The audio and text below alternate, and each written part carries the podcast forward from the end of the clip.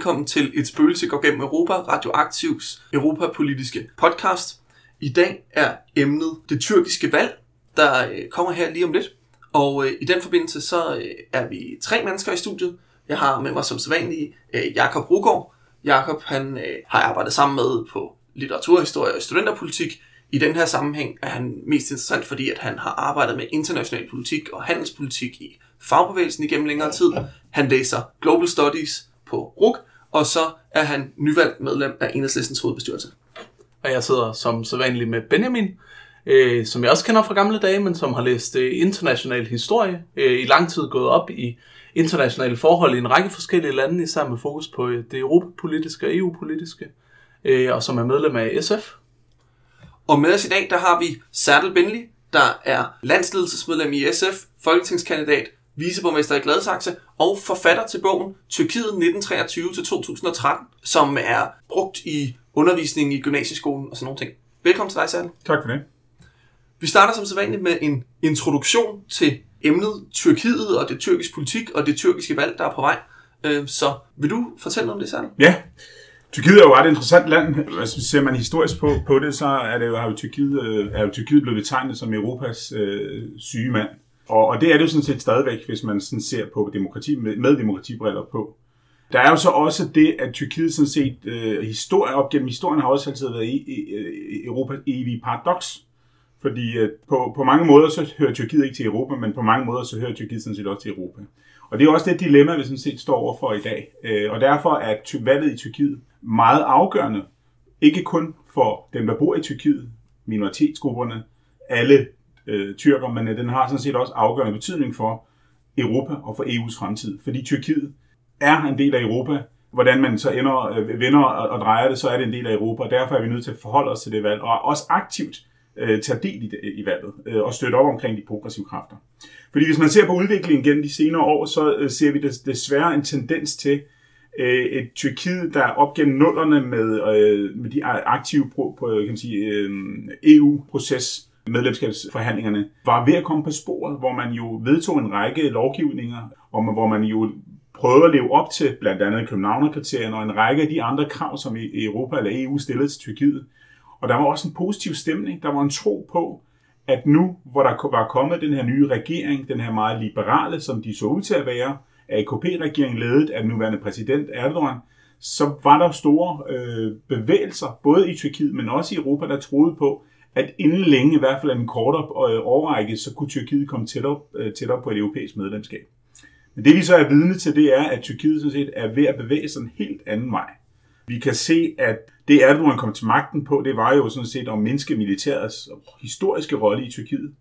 Øh, det var at gøre op med øh, et retsinstans, som jo udgjorde et svær i hånden, kan man sige, magthaverne mod anderledes ting, mod kritikere.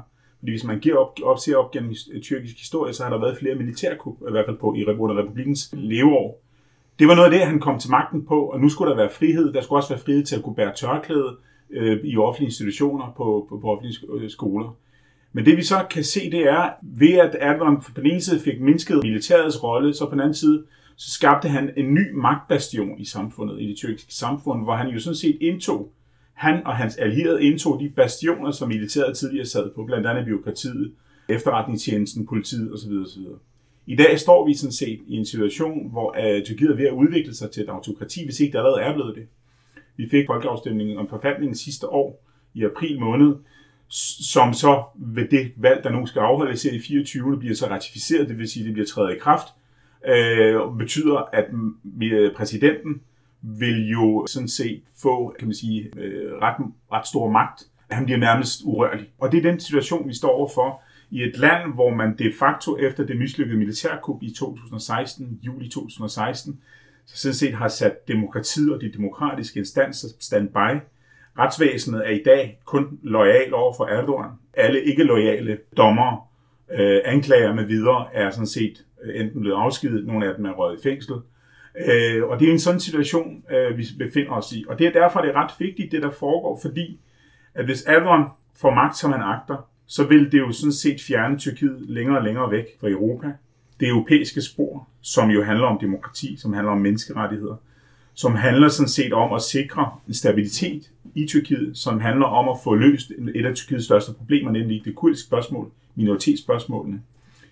Alt det er man ved at fjerne sig fra. Man kører et helt andet spor, hvor man jo kommer tættere og tættere på Rusland. Blot et eksempel, øh, Tyrkiet er et NATO-medlem og øh, en vigtig allieret i kampen mod, både mod terrorisme, men også en vigtig allieret i almindelighed som NATO-medlem. Har lige indgået en aftale for nylig med russerne om at indkøbe af S-400-missiler. Øh, og den slags kan man sige, handlinger kan man jo se flere og flere af, at Tyrkiet nærmer sig Iran, Putin og vender ryggen til, til EU og vender ryggen til, øh, til NATO. Og det er en farlig udvikling set med europæiske briller, sikkerhedspolitisk, men også ud fra et demokrati, demokratiperspektiv. Øh, og, derfor er det utrolig vigtigt, at de progressive kræfter, demokratibevægelserne i Tyrkiet, sådan set formår at vinde valget.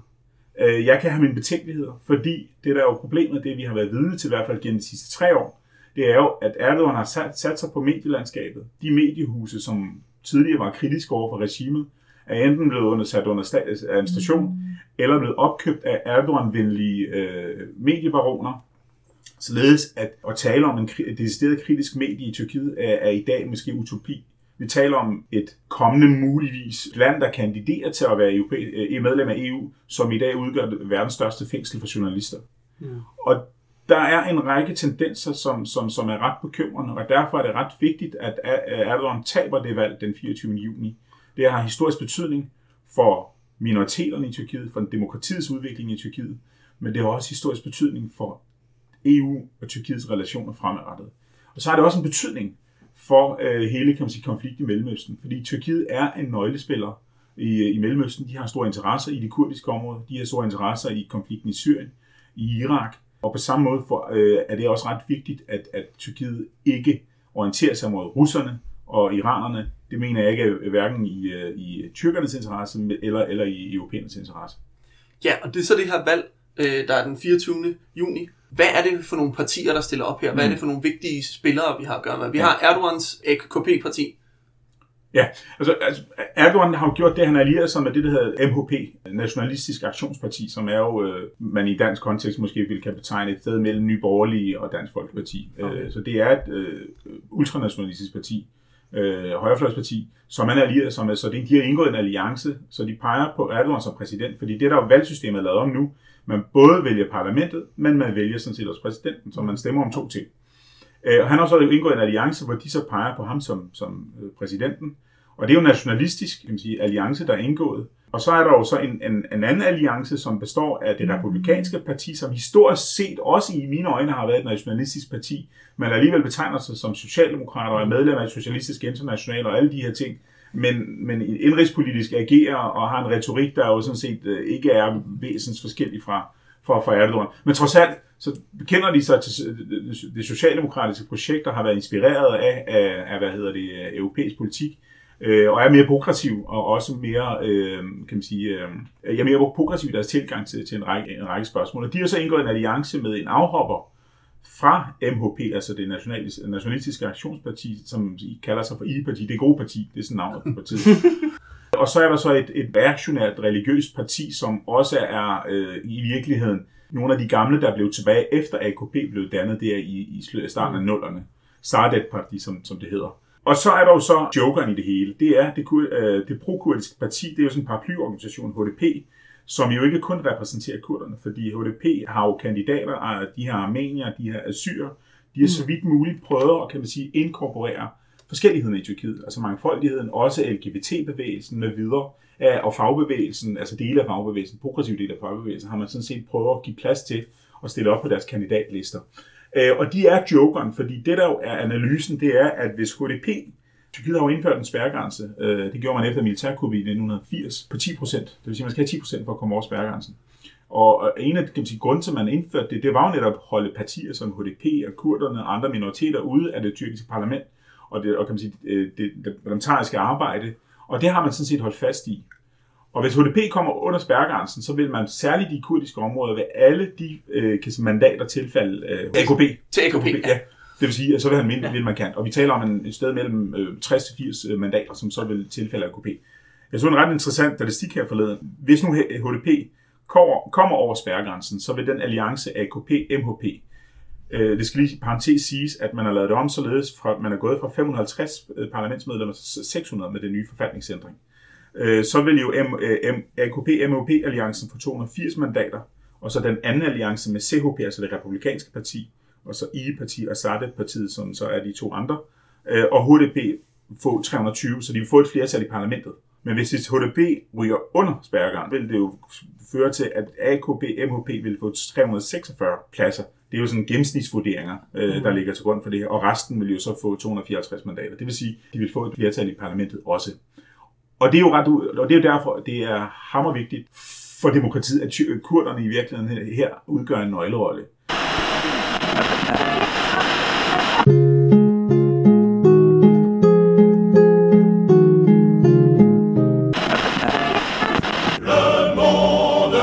changer de base. Nous ne sommes rien, soyons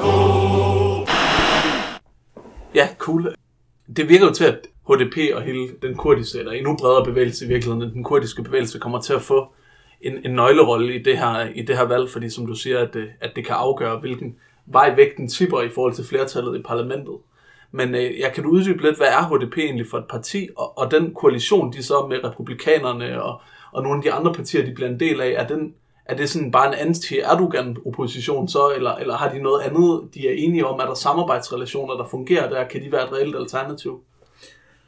Du skal forstå, at tyrkisk politik det er jo meget splittet. Altså det er enten eller. Det er jo ikke sådan, at der er ikke øh, øh, tradition for konsensus, som vi har i dansk øh, målstok. Altså at man på tværs af partier kan indgå forskellige konstellationer, forskellige flertal, alt efter tema og områder osv. Øh, det er jo ikke tradition i Tyrkiet. Øh, der har det jo altid været enten koalitioner eller et partisystem. Altså på den måde, at det er sådan, at et, et parti, der har siddet tungt på magten, og, og så har der været en opposition. Det er sådan, der er der meget klare øh, kan man sige, skæld i, i, i tyrkisk politik. HDP øh, har jo ikke indgået en alliance, det skal, det skal lige understreges, fordi HDP sådan set går til valg på deres eget program. Øh, og det er jo et demokratiprogram. Det handler sådan set om det, både en løsning af det kurdiske spørgsmål, men en generel demokratisering af Tyrkiet og det tyrkiske samfund. Og det læner så meget op bag altså hele kan man sige, øh, EU øh, tanken, altså omkring implementering af Københavnerkriterierne og at leve op til kan man sige, generelle demokratistandarder, som man også har i europæisk målestok. Og HDP, HDP er jo i udgangspunktet et venstrefløjsparti, kan man sige. Det er jo en del af den kurdiske bevægelse politiske kurdiske bevægelse, som jo har en, en, kan man sige, en, en historie, der går længere tilbage. Øh, altså fordi kurdiske bevægelse starter jo, altså med PKK, starter jo der i, øh, i 70'erne i Tyrkiet. Mm. Og det var unge mennesker, der var venstrefløjsaktivister, øh, som, som vurderer på det tidspunkt, at det er nødvendigt at gribe til våben. Og derfor øh, etablerer man, kan man sige, øh, den militære fløj. Øh, og det okay. minder jo på mange måder om den bevægelse, man også ser i Palæstina og for ja. den sags skyld også i Danmark, hvor, eller i Vesteuropa, hvor ja. vi har uh, Aktion Direkt i Frankrig, og Rudami-fraktionen i Tyskland, og Blekingegadebanden i Danmark. Altså radikaliseret venstrefløj, der bliver til Jamen, det er jo ikke nødvendigt neutraliseret. De havde sådan set et sobert projekt, der var jo, et, ja. et, et folks uafhængighed, øh, og, og, og et ja. undertrykt folk historisk set, som ja. var blevet undertrykt og fornægtede deres mm. eksistens øh, i forfatning osv. osv. Ja, så, så, så det minder jo nok lidt omkring bevægelserne i Irland og, og nogle af de andre, eller Nordirland og nogle af de andre steder, mm. hvor, hvor man jo både har haft en militær fraktion, og så har man jo haft en legal politisk, politisk øh, bevægelse. Ja. Men, og, og, og det er jo en folkelig bevægelse i dag, en institutionaliseret folkelig bevægelse i dag, som har en forankring i hvert fald store, øh, til at sige, seneste valg, øh, var, fik de omkring 6 millioner stemmerne. Men HDP er ikke kun et kurdisk parti, øh, fordi appellerer sig set bredere, fordi PKK er også selv gået væk fra tanken om uafhængig Kurdistan, og HDP er, øh, har heller ikke et projekt om en uafhængig Kurdistan. Øh, det er jo sådan set, at man skaber en lokal selvstyre i de kurdiske områder, en løsning, der, der, der udvider de kan sige, lokale magtbeføjelser til lokale områder, til lokalbefolkningen, og hvor kurdisk sprog og, og kultur med videre bliver grundlovssikret. Øh, det er sådan set det, der er mm. deres udgangspunkt. Men ellers er de traditionelt ideologisk venstrefløjsparti og godt forankret på venstrefløjen, øh, og det er derfor, de også har, KDP har en alliance med en, en række øh, mindre kan man sige, venstrefløjspartier i Tyrkiet, som, som er ind under HDP som paraply, øh, og, og støtter dem og, og er en del af. Og de her, der er også kandidater for nogle af de partier ind under HDP's paraply. Men lige nu er der så, på den måde er der ikke en alliance med den, øh, kan man sige, de, CHP og, og de to andre partier, HDP som jo er anti-AKP-alliancen. HDP kan jo måske efter runde to, det skal jeg ikke kunne vurdere, men, men det kan jo blive aktuelt, at de så er nødt til at hvis man så skal slå Erdogan i runde 2, hvis ikke han får absolut flertal øh, efter øh, runde 1 til præsidentembedet, jamen så kan, kan der jo være en runde 2, og der bliver det jo ret interessant, hvordan HDP så vil øh, spille deres kort. Ja, og og der det- udgør de jo en, en, nøgle, øh, en nøglerolle. Og det er fordi, at der er to valg. Der er både et parlamentsvalg, ja. Hvor man vælger et parlament, og så er der øh, en præsidentvalg efter den klassiske franske model ja. Med, at man stemmer, og så de to, der får flest stemmer, går videre til anden runde, ja. hvor man så vælger en. Ja, det, og jeg ved ikke, om man skal have- mere end 50 Ja, man skal have mere end 50% af stemmerne for at vinde i første runde. Og der er det jo interessant, at det ser ud til, at det kan være, at Erdogan ikke vinder i første runde. Ja. Og man kan sige, hvis han for det første ikke får flertal i parlamentet, som meningsmålinger siger, at han måske ikke gør, og for det andet ikke vinder i øh, første runde, så må det vel være et nederlag for øh, AKP og Erdogan. Absolut, øh, absolut. Og, og det er det også. Og man skal også øh, have i baghovedet, hvorfor han udskriver valg nu. Fordi Erdogan har jo luret, at hvis han venter med at udskrive valg, så er det ikke sikkert, så er hans chancer i hvert fald mindre. Det der er jo situationen lige nu, det er jo, at øh, de tror på, at de kan få komfortabelt, øh, en komfortabel sejr, hvis vi afholder valget nu, her den 24. juni.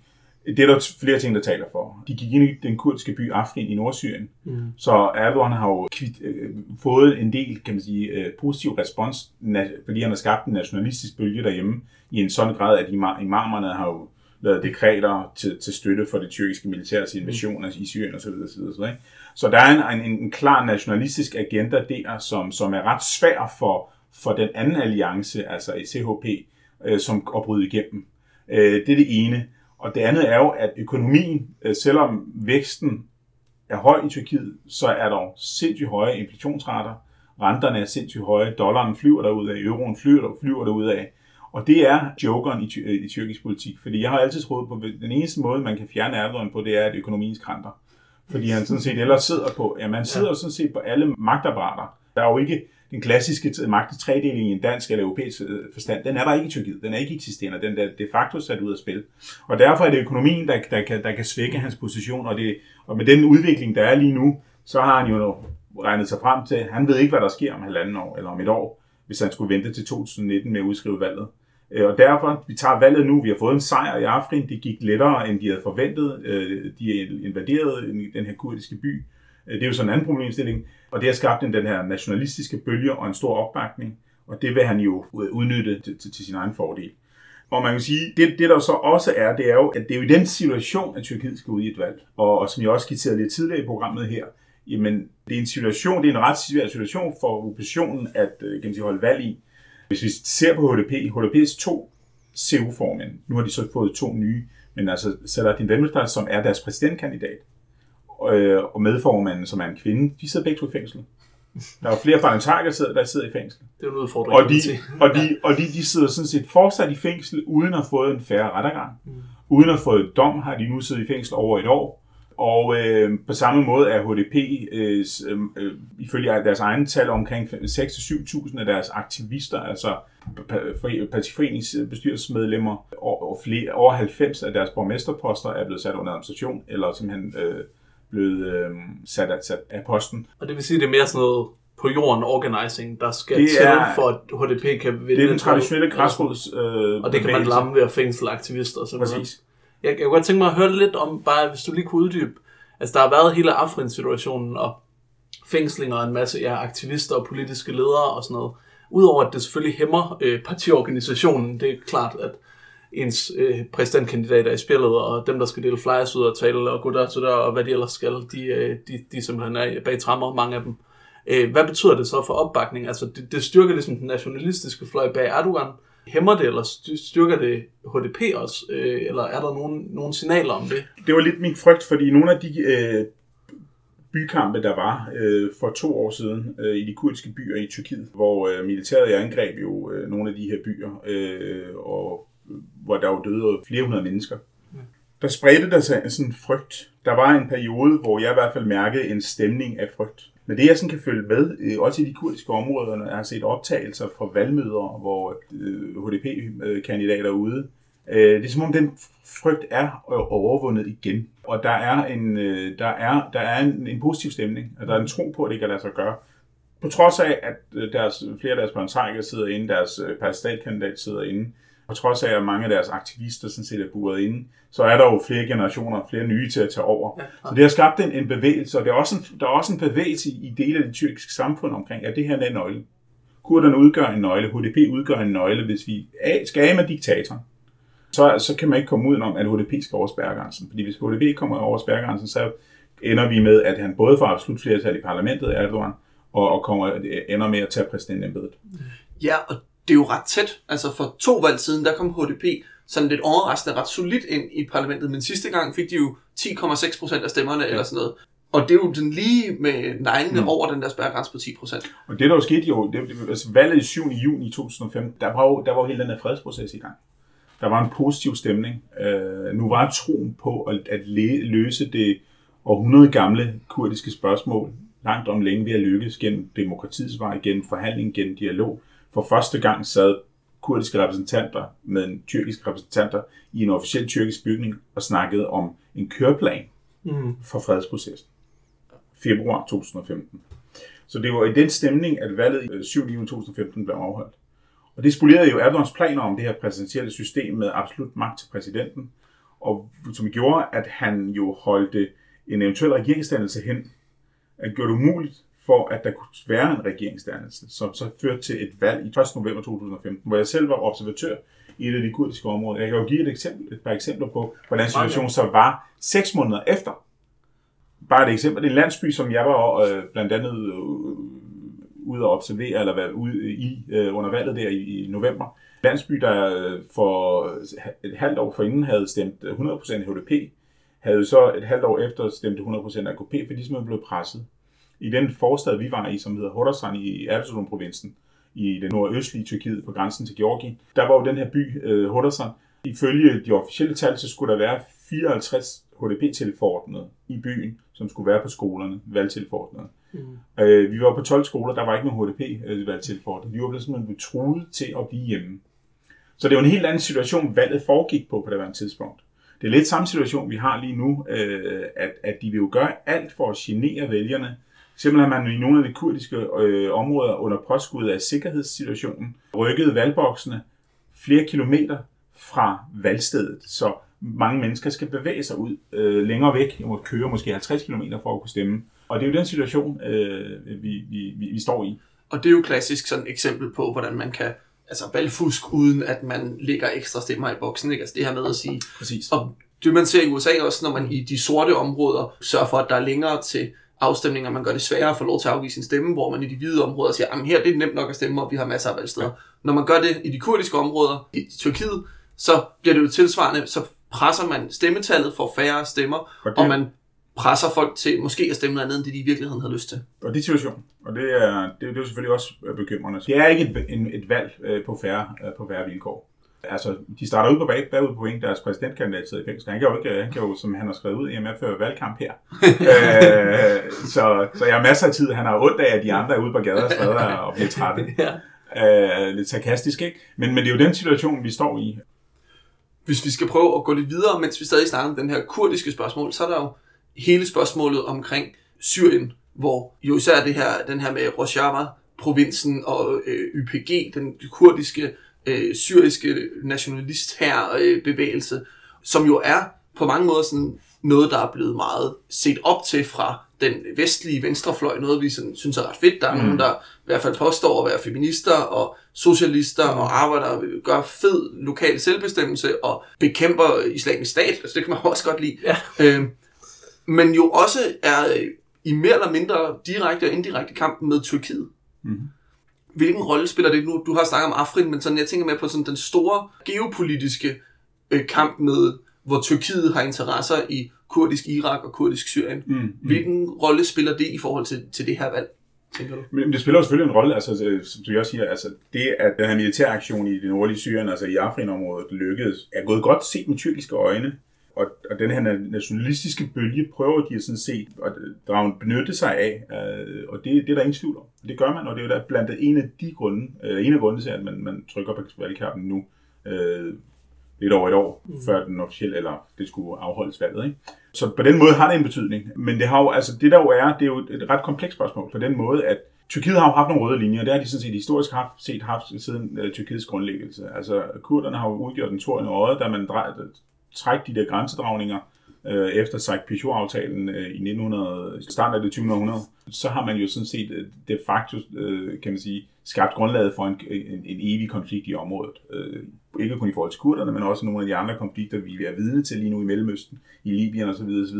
Det er jo de grænsedragninger, man trækker uden at tage høj hensyn til, til de religiøse, etniske og politiske spændinger og forskelle, der var i, i området. Fordi det var på det tidspunkt i øh, øh de allierede, vestlige allieredes interesse at gøre det på den måde der. Så derfor, at, altså, hvis der skal ske, hvis der på sigt skal være en stabilitet i området, og der skal være en demokratisering af Tyrkiet, men også området i det hele taget, så mener jeg, at kurderne udgør en ret central og vigtig rolle her. Og de har en nøglerolle at spille. Men det er en model, de netop prøver, prøver at gå foran med i, øh, i Rojava-området, altså det nordlige Syrien, med at indføre lokalråd og indføre øh, altså meget udvidet altså, øh, øh, demokratibeføjelser til lokalbefolkningen med selvstyre, med, med lokale råd og med en klar opdeling, øh, altså kønskvotering og alle de her ting. Det er jo ret fremskrevet, det er ret mm. progressivt også set med vores med vestlige briller. Men det gør, udgør jo sådan samlet set en torn i øjet for, for magthaverne i området, fordi det vil jo være en model, som kan inspirere andre folkeslag i området.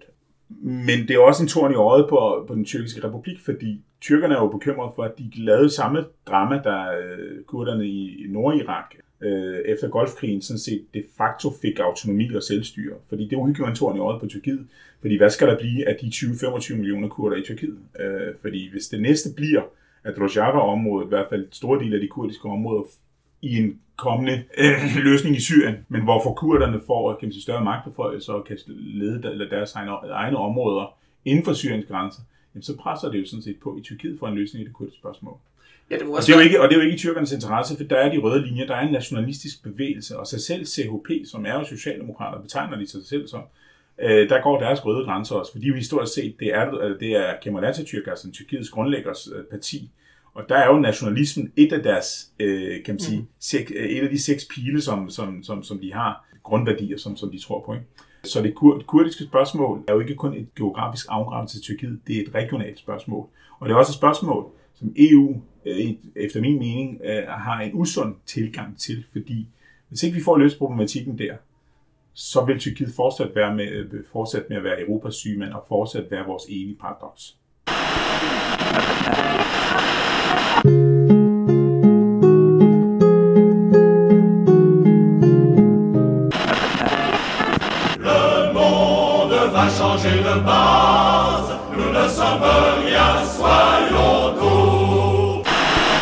Og så er vi tilbage. Og noget af det, der kunne være spændende at tale videre om, som også virker til at være en politisk konflikt mellem Erdogan og, og HDP, øh, er øh, altså øh, den her udvikling i retning mod mere og mere autokratisk styre. Vi ser den også nogle steder i Europa, hvor vi har lande som Polen og Ungarn, der øh, på folkevalgte mandater, sådan set, men måske på valg nogle gange afholdt på sådan halvmistænkelige måder, øh, fjerner alle de her institutioner, der kan kontrollere og være et korrektiv til, til en præsident eller en premierministers uhindrede magt på baggrund af et flertal.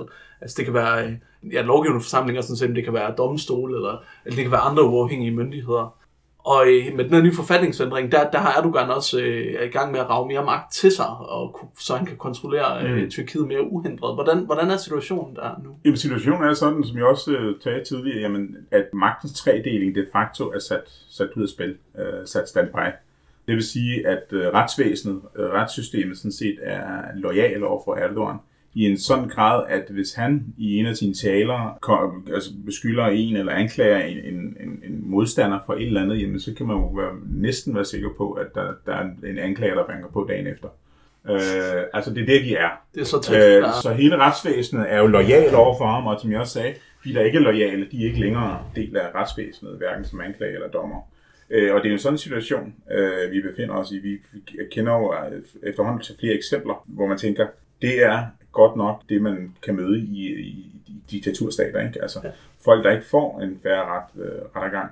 Det vi også kan konstatere, det er blandt andet noget af det, Amnesty kan rapportere, det er, at tortur er stigende i Tyrkiet. Der var en lang mm. periode, hvor det ikke fandtes, til at vi i dag kan se, at tortur i tyrkiske fængsler er, er stigende.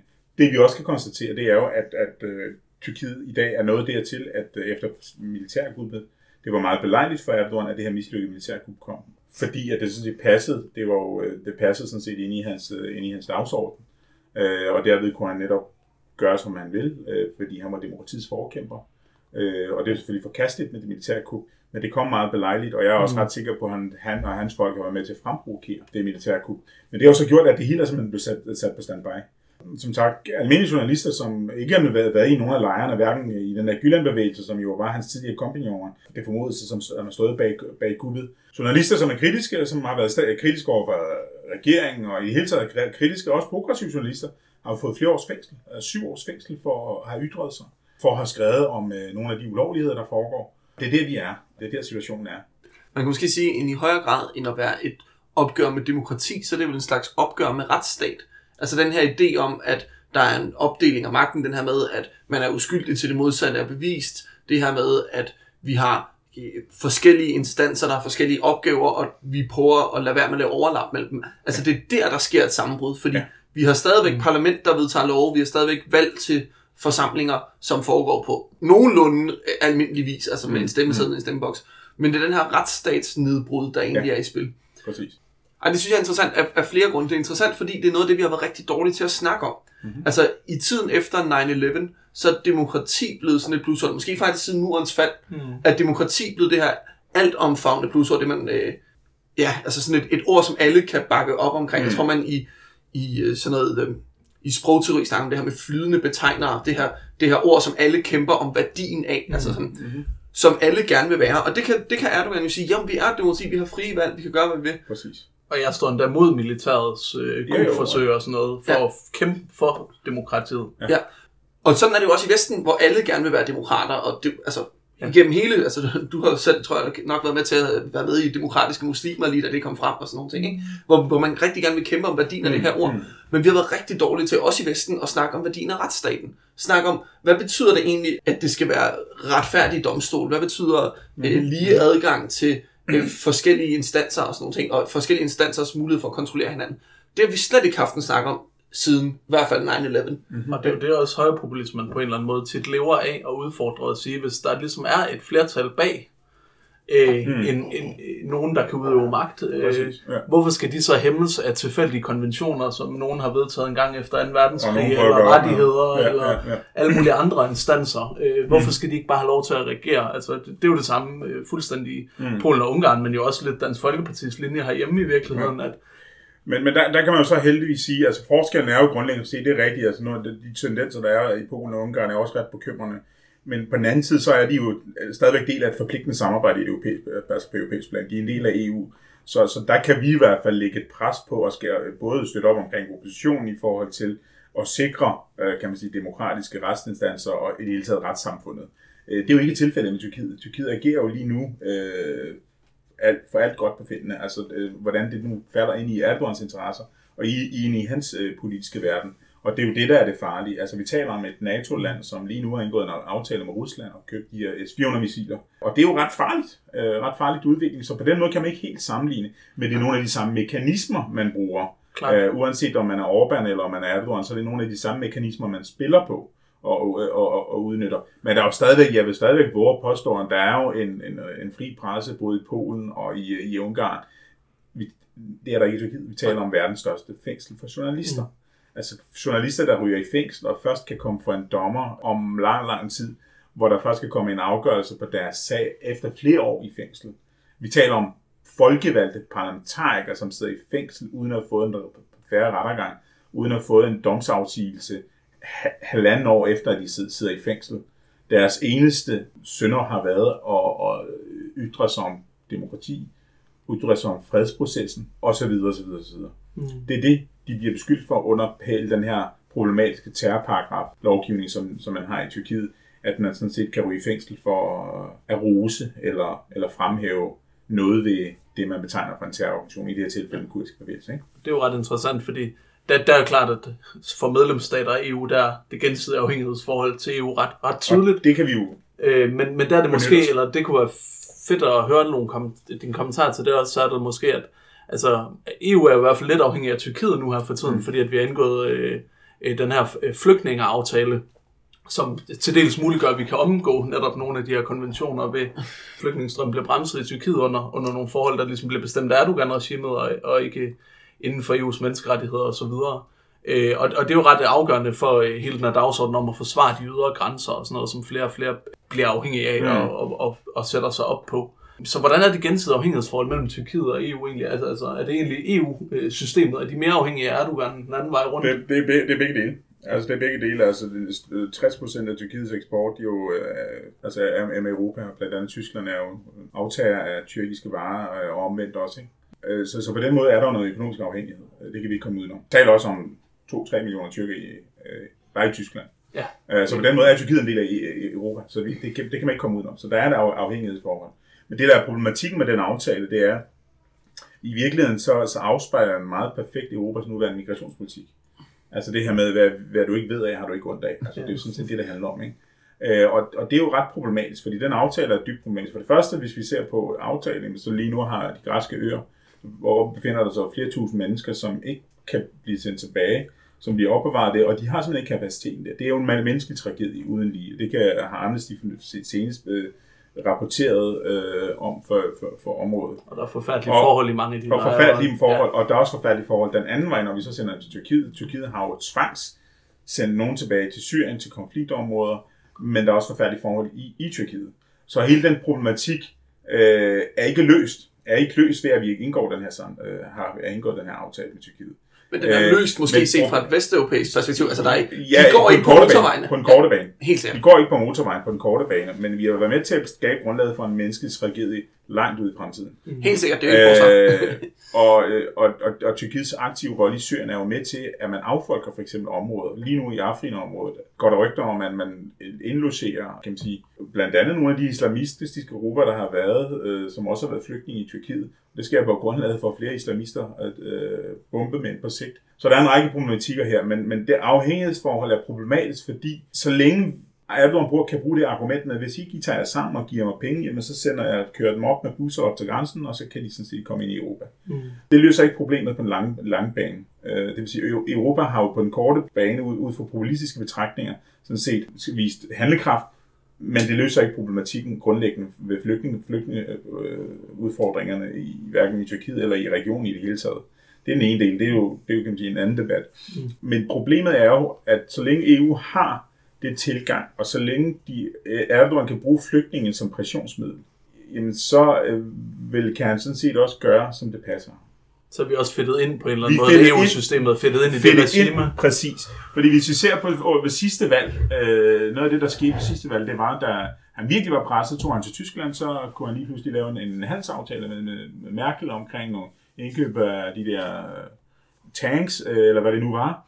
Øh, senest har han lige været i Eng- øh, England, tre dage i England. Jeg har hvor lige han været hos May og med, med og lave vi nogle så aftaler. frem med de, Ja, øh, præcis. de tyrkiske Premier League-spillere, og så Ja, lige sad så pressebilleder op Så hver gang? Erdogan føler sig presset, så, kan, så bruger han sådan set Europa og europæisk ledelse til at legitimere sin egen position. Og det er jo ret dybt problematisk. Altså hvis vi virkelig vidderligt gerne vil demokrati, hvis vi gerne vil have et stabilt Tyrkiet, der ikke fjerner sig fra, fra Europa, for det kommer det jo til. Så Erdogan får magt, som han agter, så kommer det til at fjerne sig fra Europa, så kommer det sådan set til at vende sig mod russerne og blive tættere allieret med russerne, og det er ikke i vores interesse. Det andet dilemma paradoks, som jeg synes er værd at understrege i den her sammenhæng, det er det her afhængighedsforhold, hvor paradoxalt det er. Fordi EU fik jo det kurdiske bevægelse på, på terrorlisten der i 2000 og, øh, tilbage i 2001 og 12, og det var jo øvrigt på den, daværende danske udenrigsminister. De, PKK var ikke oprindeligt på listen, men Stig sørgede for, at de kom med på listen. Så vi har også haft en sparet forhold med Tyrkiet i de relationer, vi har haft med dem, altså Danmark. Ja. Øh, men, men, men det har jo gjort, at, man, at, at Erdogan altid kunne bruge det kort. Men vi forhandler ikke med terrororganisationer. Og det har jo så også gjort, at det kurdiske spørgsmål, som er akilleshælen, kardinalpunktet, knudepunktet for en demokratisering af Tyrkiet, sådan set hele tiden har været holdt uløseligt hen, fordi øh, hver gang Europa har presset på, jamen det er jo terrororganisationer, dem kan vi jo ikke forhandle med. Så Europa er jo nødt til også at gøre op med sig selv, hvem er deres alliancer på sigt i området? Hvis de virkelig gerne vil stå for demokratiet, hvis de gerne vil skabe udvikling i, området, hvis de også oplader deres grænser, øh, gerne vil have sikkerhed, jamen så er de nødt til at få skabt et stabilt Tyrkiet, og det gør man ikke ved, at man laver en, en, en, en meget smusket aftale, sådan som flygtningeaftalen er, hvor man i virkeligheden ender i en situation, hvor Erdogan kan gang på gang bruge det som pression, politisk pression, både indrigspolitisk, men også ud, øh, over for, for europæiske ledere. Øh, og det er et kæmpe dilemma. Ja, et sidste spørgsmål til dig, Serdal. Bare sådan kort. Hvad skal vi holde øje med frem til den 24. juni og det tyrkiske valg, og hvem skal vi holde med som sådan venstreorienteret danskere? Jamen, altså, som, som politisk aktiv øh, i Danmark, øh, så mener jeg, at alle øh, på tværs af alle partier sådan set skal holde øje med det, der, det, der foregår. Øh, fordi jo mere fokus vi har, jo mere in, intern pres kommer der også til at være på Erdogan.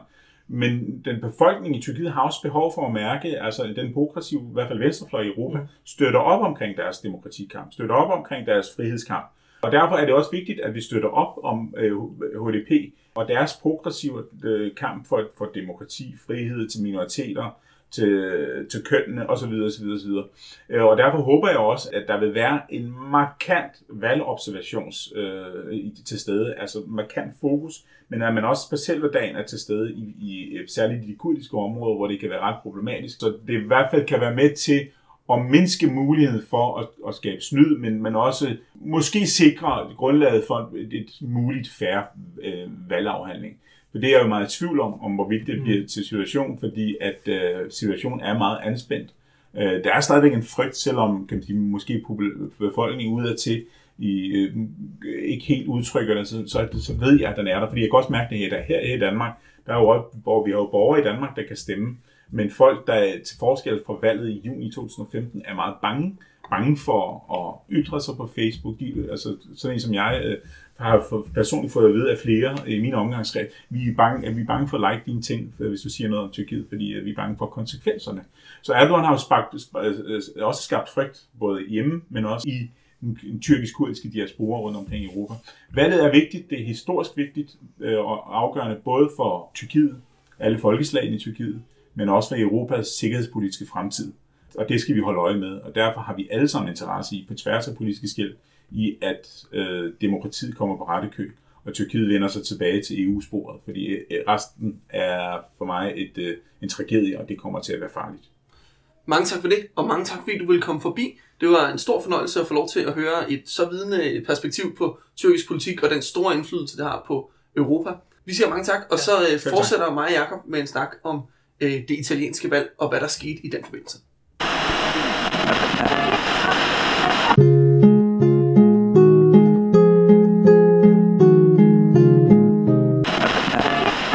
Le monde va changer de base, nous ne sommes rien, soyons tous.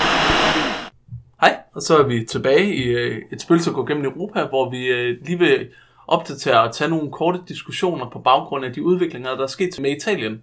Øh, hvor vi jo dækkede valget øh, forud for det italienske valg her i foråret, og snakkede om, hvilke regeringsdannelser og sådan noget, der, der var muligt. Øh, der får vi jo blandt andet sagt, at, øh, at det er fuldstændig urealistisk, at man kan forestille sig et samarbejde mellem femstjernebevægelsen, der øh, har en vælgerbase blandt unge arbejdsløse i øh, Syditalien primært, og så øh, La Lega, eller det der i gamle dage hed Lega Nord, som er det her højrepopulistiske, halvracistiske parti, som øh, primært er blevet store på øh, at have folk, der er dogne og ikke har arbejde i Syditalien, og, og puste den her divide, der er i det i italienske politiske opfattelse mellem nord og syd. Men det er så i mellemtiden sket, at de er blevet enige om et politisk grundlag, som de gerne vil danne øh, regering på baggrund af. Så der kan man jo øh, tage så meget fejl i sine forudsigelser, og de har faktisk øh, stillet med et helt ministerhold, som øh, præsidenten så, øh, der hedder Sergio Mattarella, har, har afvist øh, fordi de har en 81-årig, øh, eller på ministerholdet havde en 81-årig stærk euroskeptiker som finansminister, der hed Paolo Savona. Og øh, Mattarella, øh, præsidenten i Italien, han siger simpelthen helt eksplicit, at øh, han kan ikke leve med at øh, true eurozonen på den måde. Det vil også destabilisere finansmarkederne og dermed skade øh, italienske investorer, hvis man udnævner en euroskeptiker eller en eurokritiker. Så, så så man tvivl om, om Italien kunne finde på at træde ud af eurozonen øh, og dermed skader man finansmarkederne. Så det har han sagt, det vil han ikke være med til at udnævne. Der sker så det, at øh, Giuseppe Conte, som er kompromis-premierministerkandidat. Ja, altså de har brug for en kompromis-premierministerkandidat, fordi både La Ligas leder og Femstjernevægelsens leder, begge to vil være ministerpræsident, og ikke kan leve med, at det bliver den anden. Og ja. så finder de sådan en, en lidt kedelig øh, mellemting ja, en lidt ukendt advokat, øh, som vist er personlig advokat for øh, Luigi De Maio, der er øh, femstjernebevægelsens øh, leder nu. Øh, ja, og sådan lidt ukendt, og ham kan de begge to ende med at blive enige om. Øh, det er jo også to partier, der kommer fra politisk to meget forskellige programmer i virkeligheden, og skal finde noget, ingen af dem øh, kan have helt noget imod. Så de finder sammen med Giuseppe Conte, og han når så at, at trække sig som premierministerkandidat igen i fuldstændig protest mod... Øh, hvad hedder det, at, at hans ministerhold ikke kan blive godkendt af præsidenten. Det får Luigi Di Maio og Salvini, øh, som er leder af La- La Liga, øh, fuldstændig op i det røde felt og taler om, at øh, man sætter demokratiet ud af spil øh, for at tækkes EU-eliten og finansmarkederne meget højt op i den EU-kritiske glød. Det er ikke så underligt, øh, men man får mere EU-kritik, hvis man underkender folks øh, demokratisk valgte partiers ministerhold. Salvini begynder i mellemtiden at sige, at vi marcherer mod Rom, øh, hvis øh, det her sker, som er en slags Mussolini-reference. Ja, og Garibaldi, så det er sådan noget, der trækker helt tilbage til Italiens samling i 1870'erne, men jo også Mussolini i 1920'erne, så det er sådan en stærk italiensk retorik at sige, at man marcherer mod Rom. Det betyder massive forandringer, det betyder revolution. Ja, lige præcis. så, så vi er helt øh, på et rødglødende niveau, og øh, præsidenten han vælger så at, at pege, øh, udnævne faktisk, øh, eller pege, nå at pege på en, en premierminister, der hedder øh, Carlo Cottarelli, øh, som skal lave en teknokratregering, øh, fordi at den parlamentariske situation er nedsmeltet. Det får så sjovt nok Liga og, og øh, Femstjernebevægelsen, der føler, at de har et folkeligt øh, mandat bag sig, øh, endnu mere op i det røde felt, og, og tror med, at det, han vil væltes med mistillid på day one, hvis han bliver valgt. Og nu er den nyeste udvikling så, at man har landet et ministerhold uden øh, øh, ham her Savona, den 81-årige EU-modstander, øh, som finansminister. Han bliver så EU-minister i stedet for. Og det bliver en øh, halvukendt øh, økonomiprofessor, der øh, tager finansministerposten. Ja, det er jo ret interessant, øh, både at se, hvor kaotisk det politiske spil er i Italien. Vi snakkede om det sidst, hvordan at der var alle de her partier, der var alle de her bevægelser, og der var alle de her forskellige lag af senat og præsident og underhus og forskellige interesser, og hvad kunne der overhovedet ske, og vi, vi sad jo og sagde, vi ved ikke, hvad der kommer til at ske, fordi det er så kaotisk, og stemmeresultatet bliver så uoverskueligt, at det er svært at se, at der kan ske noget. Mm. Og det fik vi jo i det mindste ret i, at det ville blive kaotisk og uoverskueligt. Helt sikkert.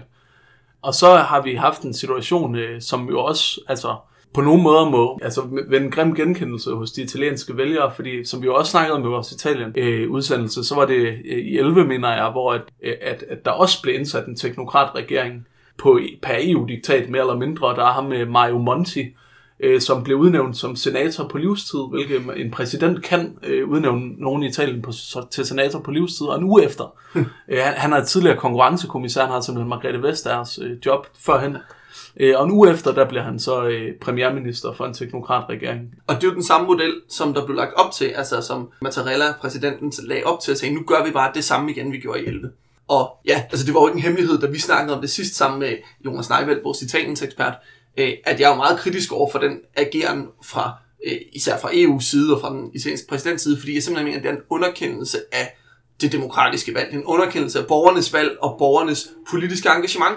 Og det er jo ikke noget mærkeligt, at når man gør sådan nogle ting, når man siger, det I har stemt på er forkert, nu gør vi noget andet i stedet for, som EU-eliten, som finanseliten, som øh, den politiske elite bedre kan lide, Øh, så får man endnu mere utilfredse vælgere. Og det er også det, vi har set, at vi har fået et parlamentarisk flertal i Italien nu, en regering, der består af højrepopulister og centerpopulister. Ja, og kuren, øh, mere, eller hvad man så skal sige, øh, til det, det er jo så, den øh, politiske elite, som må være sådan lidt politisk øh, strategisk tonedøv på en eller anden måde, i Italien så prøver øh, med mere eller mindre selvfølgelig forfatningsfæstet, det er også en lidt mystisk forfatning, de har, øh, værktøjer at bremse det her folkelige regering, øh, for at, fordi den mener, at dens mandat i, i lige så høj eller højere grad er at støtte op om integriteten af eurozonen og stabiliteten af finansmarkederne, end at respektere det ministerhold, øh, som en demokratisk valgt regeringskoalition øh, stiller med.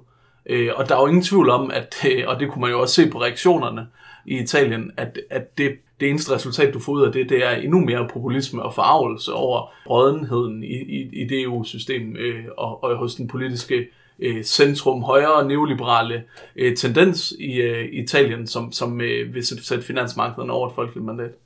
Ja, og i finanseliten som sådan. Altså, for der er ingen tvivl om, at vi kan jo se, hvordan aktiekurserne er dykket, da der har været krise i det politiske i Italien, fordi finansverdenen jo agerer politisk med sine investeringer, ja. og ønsker at påvirke, hvem skal sidde på magten.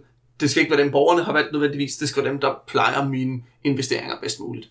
Og det er jo sådan en af de her store problemer, som vi også på et tidspunkt måske skal have en debat om. Altså, hvilken rolle spiller finansmarkederne i europæisk politik? Det kunne være et interessant emne øh, for en podcast. Øh, egentlig det skal vi dykke øh, længere ned i, øh, fordi at igen og igen synes jeg, vi ser i den her lidt neoliberale tidsalder, at, at det bliver et grundlæggende spørgsmål, hvad er regeringen til for? Og, og der er flere europæiske lande, hvor vi har haft situationer, hvor der er kommet regeringer eller flertal til, eller tæt på flertal til, der vil føre en linje, som EU ikke bryder sig om, som øh, finansspekulanter og finansmarkederne ikke bryder sig om, øh, og hvor der simpelthen er en, en ret stærk og magtfuld opfattelse af, at en regering er til for at tækkes finansmarkederne og sikre stabilitet om økonomien øh, og finansmarkederne i højere grad end at respektere et folkeligt mandat, øh, der, der er valgt. Øh. Og de er villige til at gå meget langt i mange situationer. Altså der var en portugisisk præ- præsident eller statsminister, der ikke, ville, der ikke ville overdrage regeringsmagten efter et valg, vedkommende havde tabt, fordi han også stated, at, at hans allegiance i højere grad var til finansmarkederne end, end, end til det folkelige mandat, som den nye regering havde fået simpelthen.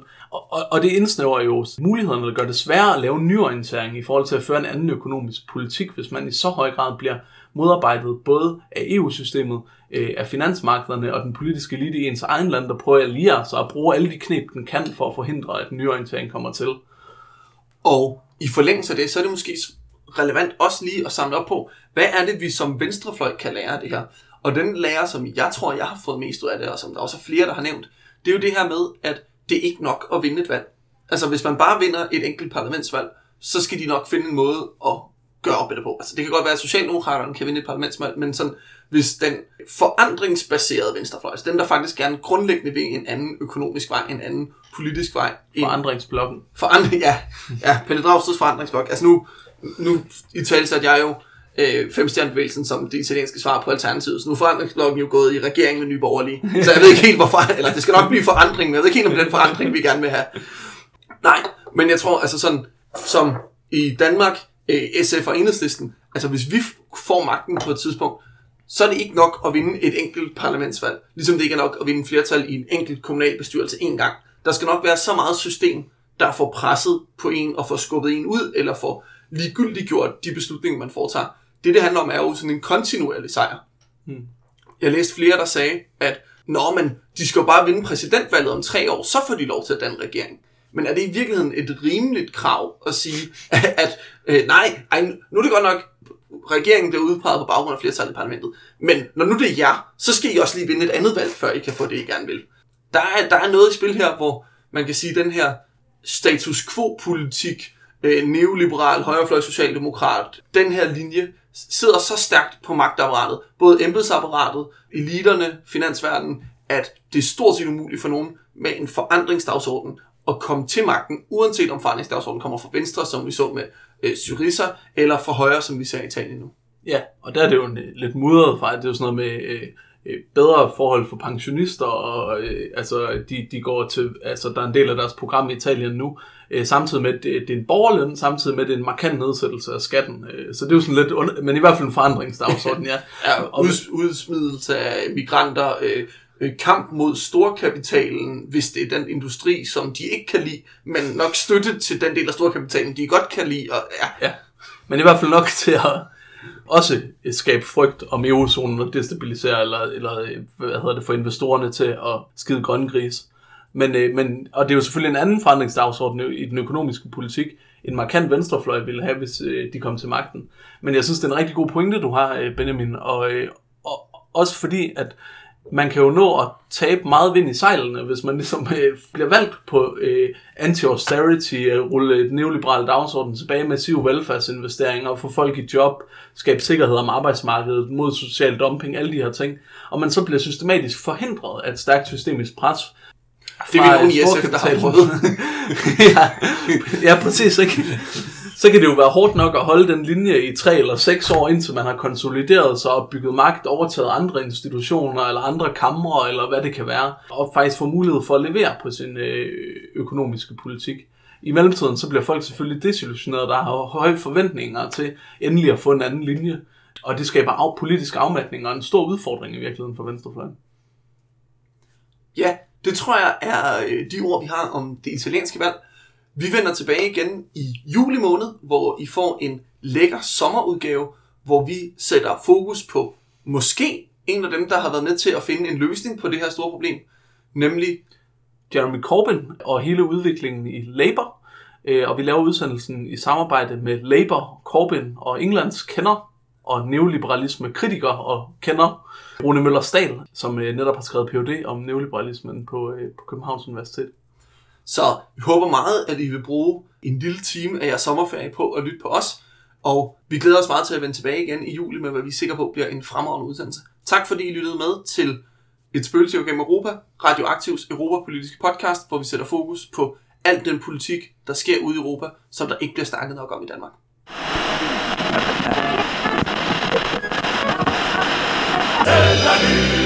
C'est